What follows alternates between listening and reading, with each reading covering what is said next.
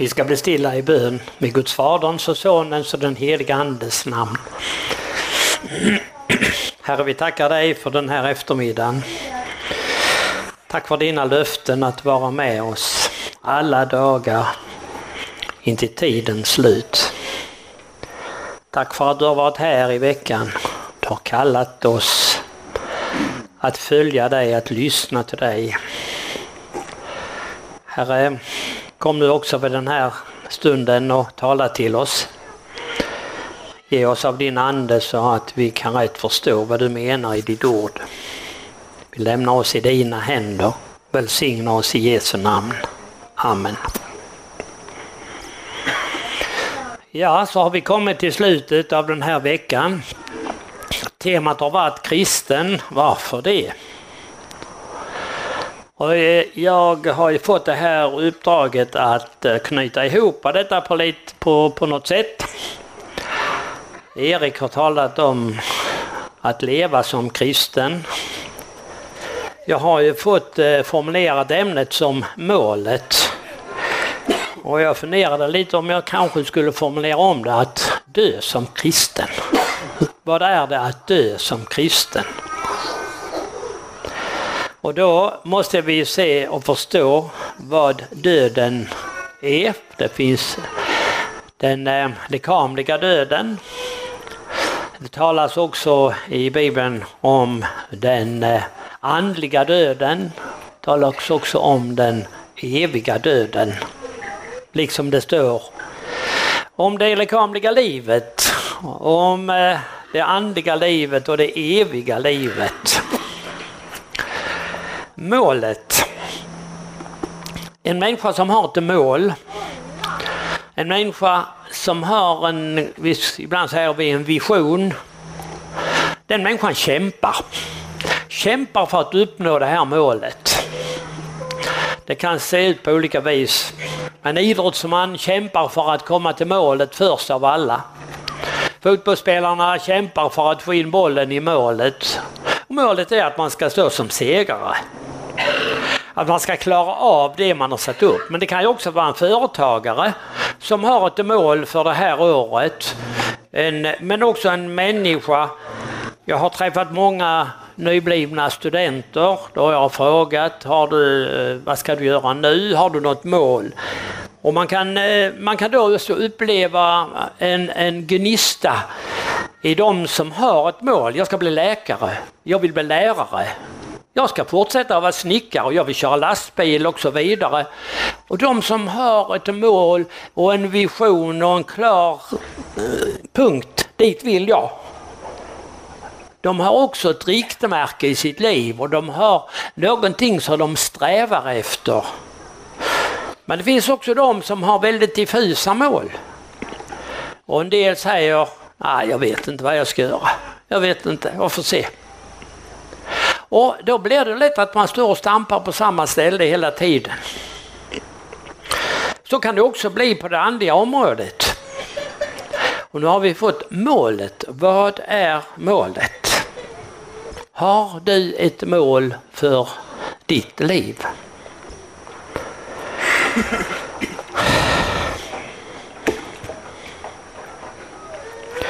Är det målet att du ska nå framgång du ska ha lycka. Lycka på, liv, på, på den här jorden. Ett lyckligt liv med glädje, med framgång, med ära och med makt. Och få vara någonting lite mer än andra. Det är målet för mitt liv. Att jag ska vara någonting. Eller kanske någon säger ungefär som som tjuren Ferdinand under sin korkek. Jag, jag trivs bäst här. Jag får sitta här under min korkek. Och det blir kanske sittande där. Om man vill ha bara, får jag bara ha frid och ro i mitt liv. Ingen stör mig. Att jag får leva, gå till jobbet, äta, sova och så vidare. Så är man nog, tycker man. Om man samlar skatter, som Erik sa. Man samlar skatter på jorden. Och har inte någon större vision och inget högre mål än detta. Då ska vi komma ihåg och vi kan också i det sammanhanget se på erfarenheten i världen. Jesus säger himmel och jord ska förgås.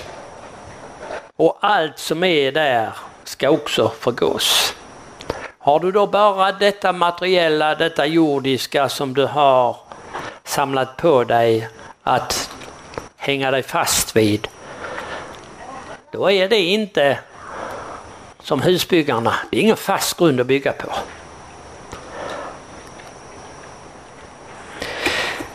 I eh, första Korintierbrevets 15 kapitel och eh, jag kommer nu att stanna en hel del just omkring eh, betydelsen av eh, Jesu uppståndelse. I uppståndelsens kapitel där står det så här om vi i detta livet sätter vårt hopp endast till Kristus endast till Kristus och han inte har uppstått, då är vi de mest beklagansvärda av alla människor. Det finns en grundläggande sak för en kristen och det är Jesus lever. Jesus är uppstånden. Annars är hela den kristna tron meningslös. Men just att det att vi har en levande frälsare så har vi också nått mer än det materiella. Han står där, om vi i detta livet sätter vårt hopp endast till Kristus. Det är fantastiskt, en människa som sätter sitt hopp, har sin tillit, sin glädje och trygghet i Kristus. Men om inte Jesus är uppstånden så säger Paulus, då är ni de mest beklagansvärda av alla människor. Så viktigt är det. Räknar du med en levande Jesus? Eller blir kristendomen en, en en filosofi, en, en tankebyggnad bland många andra i världen? Det är inte så. Kristendomen, det är ett liv. Det är ett evigt liv. I tro på Jesus Kristus, för han är sannoliken uppstånden från de döda. Halleluja!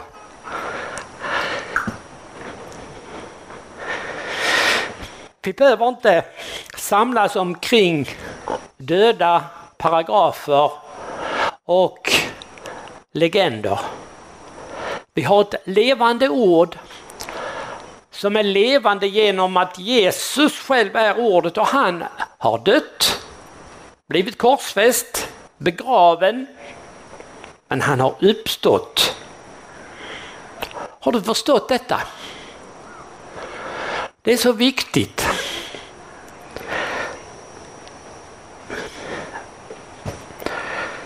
Vi har våra mål för våra liv. Har du funderat på vad, vad, vad har Gud för mål för vårt liv? Är det ditt mål och Guds mål, sammanfaller det? Eller ni går åt varsitt håll? Strävar åt varsitt håll. Det står på flera ställen, Gud vill ingen syndares stöd utan att han omvänder sig och får leva. Gud vill att alla människor ska bli frälsta och komma till kunskap om sanningen. Han har ett alldeles speciellt mål för dig. Vi kan läsa i Efesierbrevets första kapitel vad eh, Paulus skriver där. Det är ett sånt där kärnspråk som jag ofta kommer tillbaka till. Välsignad är vår Herre Jesu Kristi Gud och Faders som i Kristus har välsignat oss med all den himmelska världens andliga välsignelse. Tänk all världens andliga välsignelse vilar över dig. Hur kan ni göra det?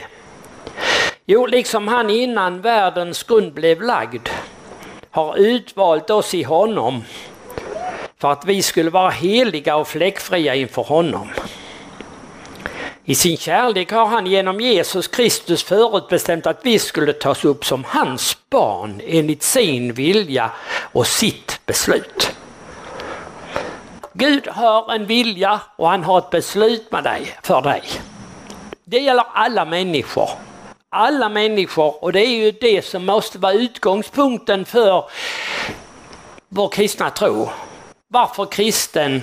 Eller kristen, varför det? Jo, för att du är skapad av Gud. Du är inte en tillfällighet, du är inte en slump. Det är en alldeles unik varelse, bara du. Det finns inte en till likadan som dig. Talar det inte om att Gud, han har koll på sina barn. Han vet vem du är. Han kan se på dina gener, men han behöver inte det, för han känner dig. Han har skapat dig.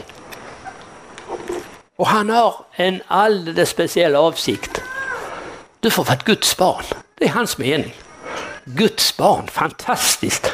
Det är som Rosenius säger när vi eh, inför bönen Fader vår så säger han att här är en människa som ber Fader vår, säger far till himmelens och jordens skapare. Varenda människa som möter en sån människa borde buga sig. Här kommer ett konungabarn. En ofantlig, rik, en fantastisk, unik människa. Med en, men som har en, eh, en far som har ett alldeles speciellt mål. Men varför allt detta med Jesu död och uppståndelse och allt detta, varför finns det, behövs det? Jo, när Gud skapade människorna så skapade han oss heliga och rena till Guds avbild. Utan synd, där det fanns en, en, en, naturlig och självklar gemenskap mellan Gud och människorna. Och det kan vi förstå de första dagarna av Edens lustgård när Adam och Eva de, de levde där i en förtrolig gemenskap med Herren Gud. Men en dag, en kväll när Gud kom genom lustgården Eden vandrande, Adam och Eva hörde stegen, så var detta borta. Han hade ätit av den förbjudna frukten. Och relationen var bruten. Och så är det Bibelns förkunnelse att så har detta gått i arv från generation till generation. Så du och jag vi föds liksom med ryggen mot Gud och vill helst gömma oss, inte ha med Gud att göra. Och så går Gud, han går och söker och söker och söker och kallar. Och idag, om ni har varit i kyrkan och hört om den återfunne sonen, den berättelsen känner ni nog till. Mannen som hade två söner och den ene ville ha ut sitt arv i förväg och fick det och gick bort och förslöste alltihopa. Han fick komma tillbaka. Han hade gjort bort sig riktigt ordentligt. Han hade levt tillsammans med prostituerade och han hade förslösat sitt arv och all den höga avsikt som hans far säkert hade haft. Hade önskat att hans, hans son skulle bli någonting och få ha en gemenskap även i framtiden. Han vände för ryggen och gick sin egen väg och så, så kom han hem ju. Stapplande och eländig och tänker bli, bli dräng där hemma. Men far hade en annan avsikt. Det var inte tal om att han skulle bli legodräng och tjänare. Han var ju barn. Det kunde inte ändras. Han var ju barn. Och far han springer i förväg innan han har kommit hem och han möter honom. Så du som känner att alltså jag är kristen, varför det? Ja men jag kan ju inte vara kristen så som jag är. Det, det går bara inte, det går inte ihop med någonting vad Bibeln säger så som jag är. Då ska du veta att far, han väntar. Eller den andra berättelsen om fåret som hade sprungit bort. Det här lilla lammet det kunde inte ens gå. Det fick bäras och herden han bär detta och tror ni att herden var stolt och han var glad när han bar fram? Det står så blir det glädje i himlen över en enda syndare som gör bättring Ja, jag skulle kunna säga varenda syndare som vill bli buren av Jesus in i himlen. Då blir det glädje. Duger ingenting till alls. Sjöng vi inte så i salmen här? Intet annat än alena Jesu nåd, förtjänst och blod. Jag kan inte exakt. Det var så. Det var inget annat som gäller än det Jesus har gjort. Det stod ju också här i Efesierbrevet. Innan världens grund var lagd hade han utvalt oss. Vi skulle vara heliga och fläckfria. Så hade också far en dräkt. Symboliserar just, döljer all smutsen. Ta på honom den bästa klädnaden. Den fanns det redo i garderoben. Han behövde inte ta någon skräddare som skulle sy. Det fanns och det finns för dig också. Och målet för att vara, vara kristen det är Guds mål är att du ska ta detta på dig och ta det emot det. Här får vi kämpa med oss själva för alla våra, våra fördomar, att vi eh, duger inte och att vi är inte som vi skulle vara. Så säger han ju gång på gång, om era synder än är blodröda kan de bli snövita. Och de är så scharlakanska de bli som vit ull. Det säger profeten Jesaja redan i gamla testamentet. Och så när Jesus kom så talar han ju om hela tiden hur han umgicks med publikaner och syndare. Står det. Och de, vissa människor de ondgjorde sig över att eh, Jesus umgicks med sådana människor. Och det är ju det sammanhanget han berättar de här liknelserna om fåret, om pengen som var borta och om den förlorade sonen eller den återfunne sonen. Gud har ett mål för dig. Ehm, den kristna tron den har, kan ju beskrivas på många olika sätt. Och jag tog fram min gamla katekes, Luthers lilla katekes. En väldigt bra lärobok när man ska veta, lära sig vad kristen tro innebär. Lite krångliga ord säger ni kanske. Då kan jag glädja er att det nog snart kommer en ny språkligt reviderad katekes. Hoppas den kommer till sommarmötet. Och eh, Erik har jobbat mycket med den. Och vi tror att detta är någonting som är så viktigt. Att eh, kunna på ett enkelt sätt ta detta till sig. Och nu ska jag säga det här med kristen, varför det? Och jag säger, varför inte? Första trosartikeln säger, jag tror på Gud Fader allsmäktig, himmelens och jordens skapare. Och Luther han förklarar lite grann det här. Det här behöver förklaras lite mer, annars så tror man, jaha så var det. Men han säger så här, men Gud har skapat mig, han har gett mig kropp och själ och ögon och öron. Allt detta har inte kommit till av en slump. Mina sinnen, allt detta har Gud skapat på ett helt fantastiskt underbart sätt. Men, och det, det kan jag tacka Gud för, och det har ju alla människor. Men så står det också att därtill försörjer han mig rikligen och dagligen med kläder och skor och mat och dryck och hus och hem och hustru och barn och åker och boskap. Ja, allt vad jag behöver för det här livet. Det är inte självklart att vi ska ha allt detta. Ja, men även de som inte är kristna, de får ju också det. Ja, men de har ingen att tacka när de får allt detta. Och var kommer, vem, vem ska jag rikta min tacksägelse mot detta? För jag tror att det är väldigt många som är tacksamma över att vi får ha det så här bra. Men vem får tacket och är det inte också ett behov? Jag känner det ofta som ett behov att vem ska jag tacka? Ibland har man varit på kalas och man har fått god mat och så går de runt när man ska gå hem så här. Vem är det man ska tacka egentligen för det här?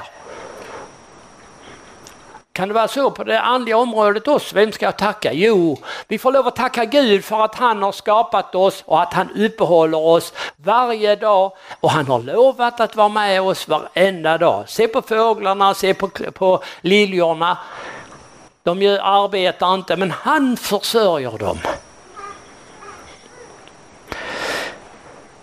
Och så var ju detta med synden. När vi vände oss bort ifrån Gud. Vad skulle göras åt detta? Gud hade sagt att den som syndar ska dö. Det var dödsstraff på synd, för synden. Skulle han låta varenda människa dö och gå evigt förlorad, utstängd från all gemenskap med honom. Han den helige och rene, tillsammans med honom kan ingen orenhet komma. Det förgås inför honom. Gud hade redan innan han skapade oss den lösningen. Vi läste ju, han hade förutbestämt oss att vara heliga och fläckfria inför honom.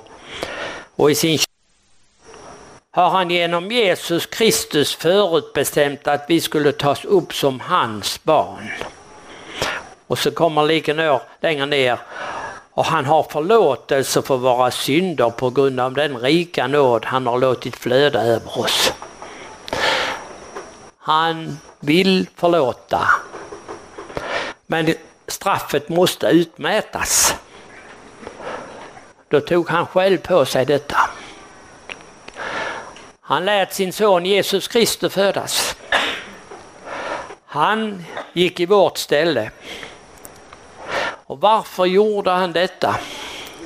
Varför gjorde han detta?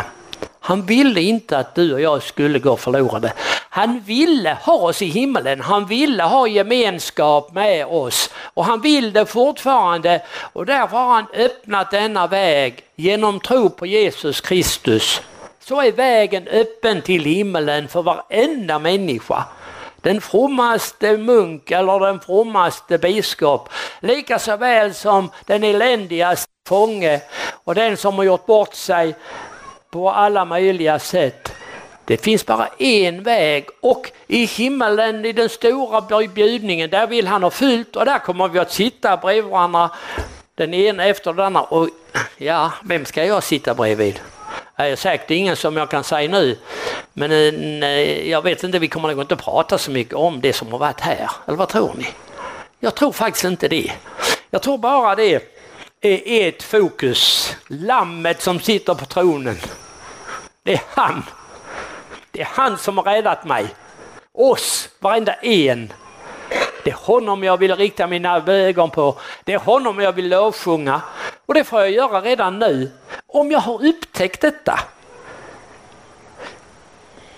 Jag träffade en man i förmiddags som hade sökt på olika sätt så sa han, det är rätt konstigt, jag har läst i Bibeln och där står ofta att en människa måste vända om eller bli född på nytt. Som Jesus säger, om inte en människa blir född på nytt kan hon icke se Guds rike. Men alltså det predikas ju inte om det. Nej, kanske vi ska ta detta till oss. Nu säger jag det till er. Man ser inte vidden av denna underbara frälsning som Gud har gett oss genom Jesus Kristus. Vi ser inte målet om inte Gud får föda oss på nytt. Och det är när jag själv faller till föga och säger ja, jag, jag klarar inte detta. Det gjorde den förlorade sonen. Men han, sa, han hade ändå en längtan. Han visste var han hade kommit ifrån. Och det är det vill jag ha sagt med detta. Första trosartikeln, du ska veta var du har kommit ifrån.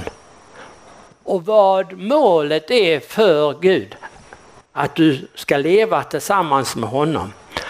Han lät Jesus komma, han lät Jesus ta våra synder, vårt straff, vår dom la han på, på honom.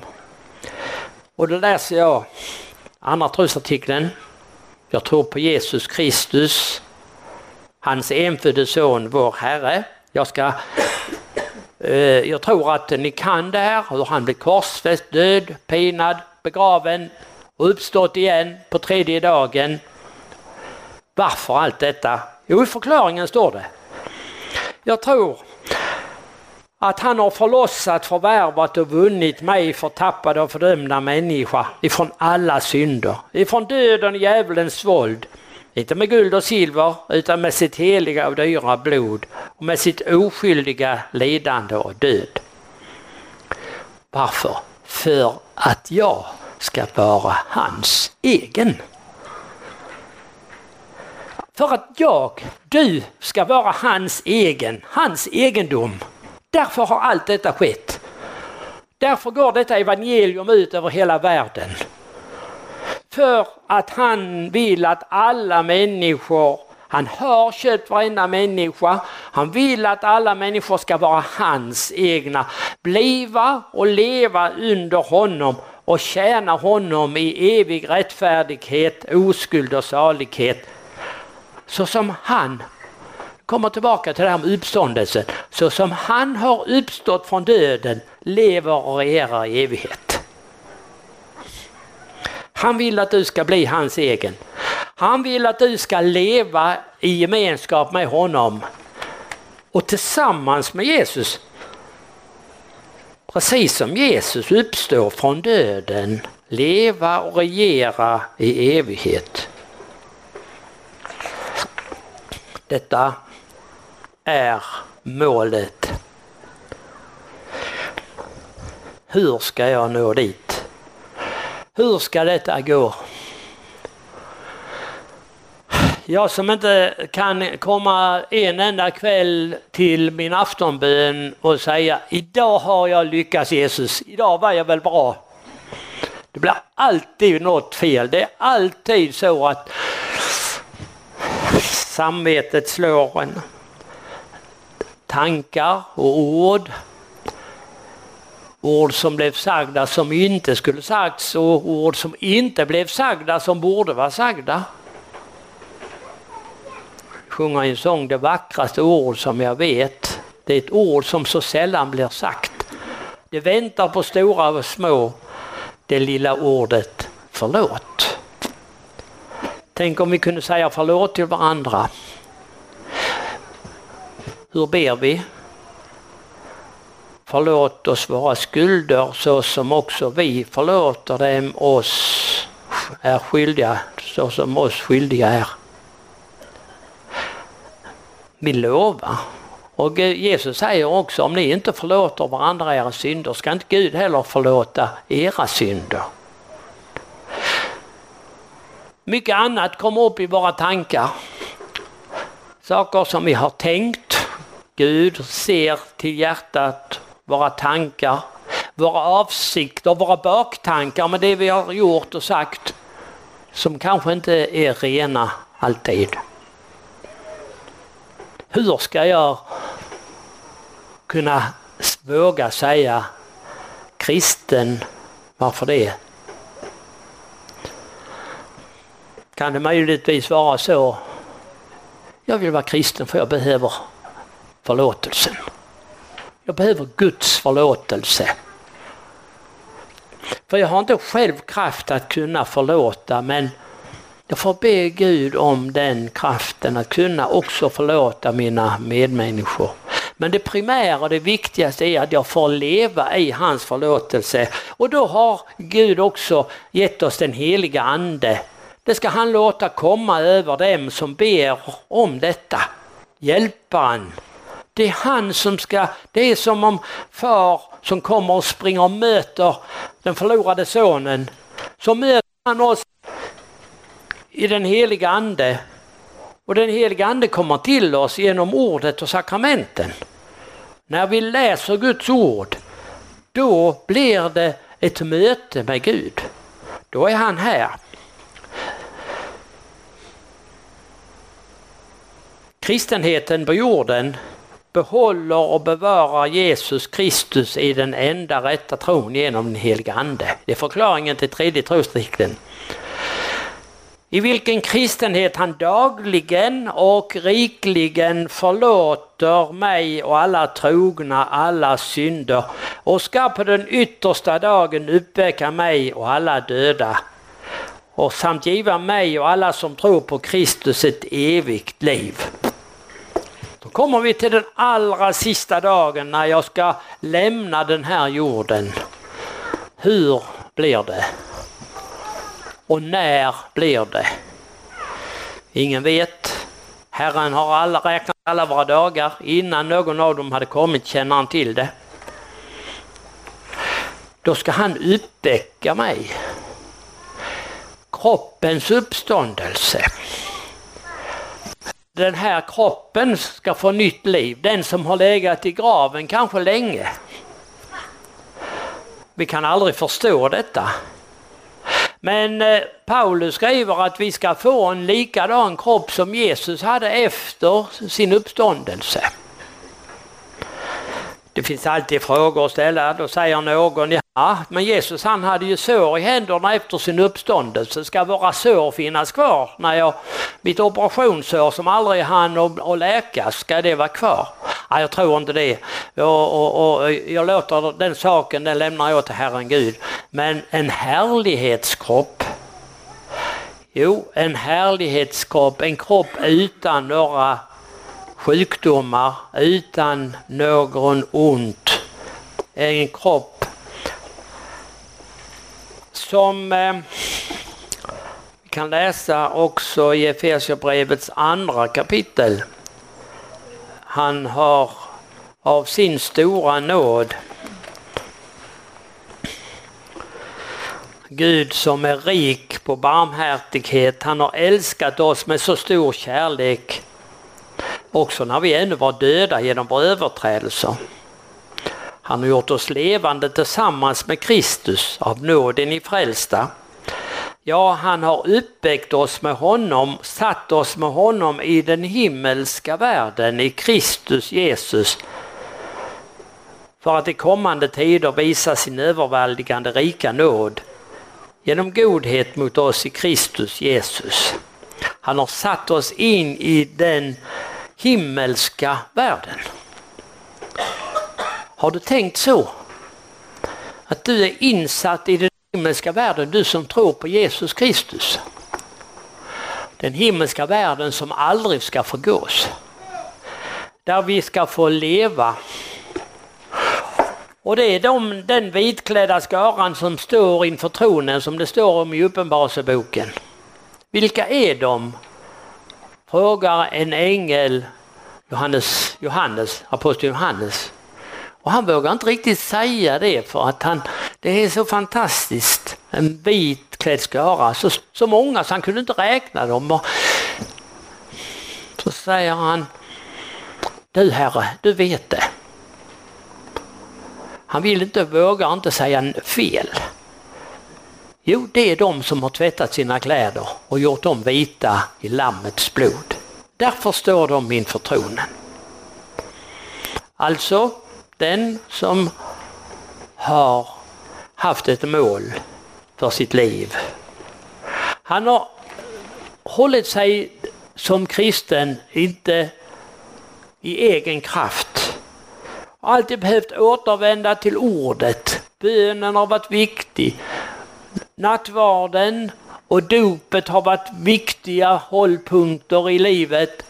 Det, det har varit det, det enda hoppet och där har jag blivit renad, förlåten varje dag för Jesus skull.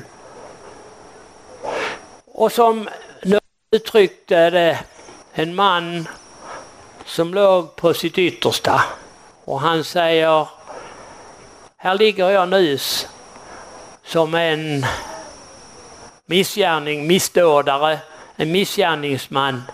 Men jag ligger på klippan Kristus. Där är det saligt att dö. Det är målet. Klippa du som brast för mig, låt mig gömma mig i dig.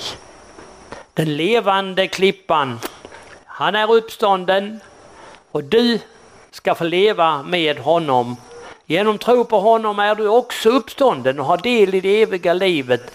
Målet för en kristen är att få leva med Jesus för evigt. Låt oss tacka och be. Jesus, jag tackar dig för att du har öppnat en väg för mig också in i det allra heligaste i himmelen. där du själv bor. Jesus, du ser oss här. Vi är mer än hundra personer och vi sitter här med så olika bakgrund och vi sitter med olika tankar och en del har kanske tänkt på något helt annat under predikan.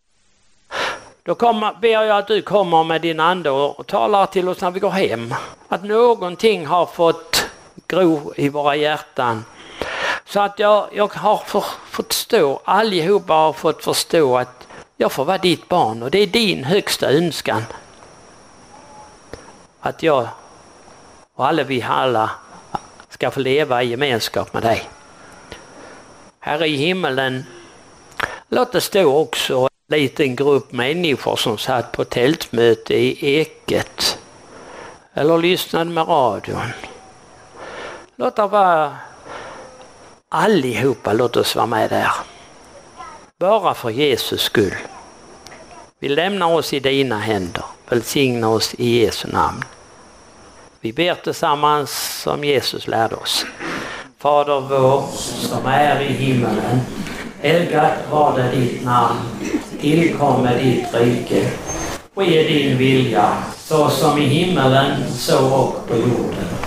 Vårt dagliga bröd giv oss idag och förlåt oss våra skulder så som och vi förlåter dem oss skyldiga är.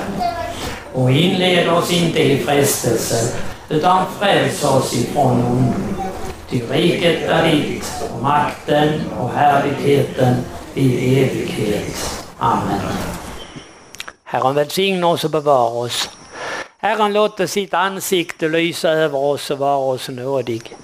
Herren vände sitt ansikte till oss och ge oss frid. I Guds Faderns och Sonens och den heliga Andes namn. Amen.